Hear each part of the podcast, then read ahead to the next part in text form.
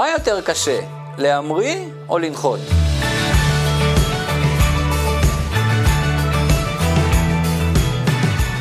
שאלו פעם טייס באל על, איזה קטע הכי קשה בלהטיס מטוס? האם זו המראה, שכולם מפחדים, אולי משהו ישתבש? אולי זה הכיסא אוויר באמצע הדרך שהמטוס מתחיל לרקוד? או אולי הנחיתה, שהמטוס חוזר לקרקע? הוא ענה שאפשר לדעת לבד, פשוט תראו מתי הנוסעים מוחאים כפיים. המחיאות כפיים הם בנחיתה. כי הכי קשה לנחות, ככה הוא אמר. להמריא זה פשוט. לשייט באוויר אין בעיה, אבל לחבר את המטוס חזרה לקרקע, זה הקטע הכי קשה. ככה זה במטוסים, וככה זה גם בעבודה הרוחנית שלנו.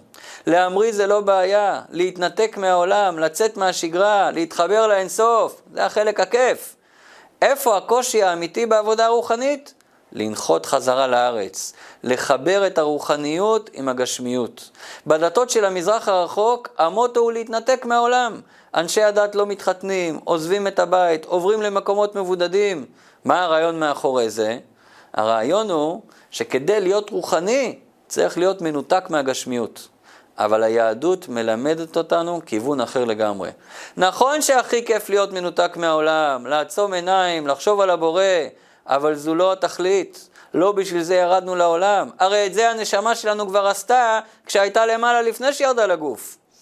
הנשמה ירדה לעולם ולגוף כדי לחבר את הרוחניות עם הגשמיות, לגלות את הרוחניות גם בתוך העולם החומרי.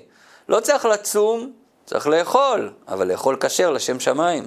לא צריך להיות עני בלי כלום, צריך להרוויח כסף, אבל כדי לחלק צדקה ביד רחבה.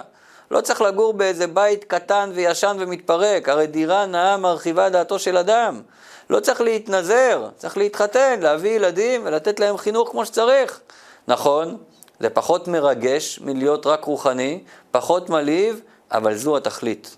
הנשמה עצמה אינה צריכה תיקון, כך אומר לנו בעל התניא בפרק ל"ז.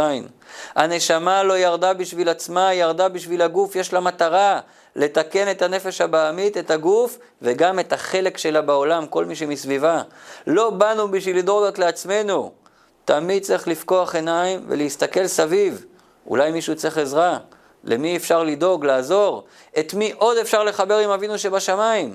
כשהנשמה שלנו מתרכזת בזה, היא מקיימת את השליחות שלשמה נשלחה לעולם, מחברת רוחניות וגשמיות.